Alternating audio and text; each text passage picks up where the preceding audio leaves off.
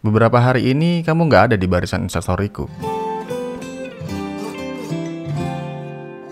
Kamu ngebiarin aku menggigil karena nggak lihat lucu wajahmu dengan berbagai filter itu. Ya sedikit khawatir sih. Jangan-jangan aku kamu hide.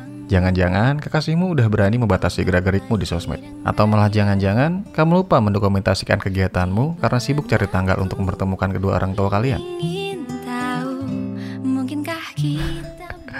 Maaf aku berlebihan, tapi kuharap itu enggak ya. Soalnya aku udah terlanjur cerita ke teman-teman tentang spesial kamu buatku.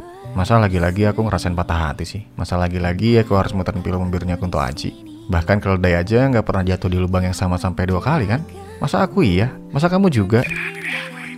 Ya udah, kuharap kamu baik-baik aja ya. Kalau kamu nggak baik, aku siap kok jadi yang terbaik. Siap juga melimpahkan kebahagiaan buatmu sepanjang hari. Eh by the way, kamu masih ingat aku kan? Ini masih aku, orang yang selalu takut kamu salah milih pasangan.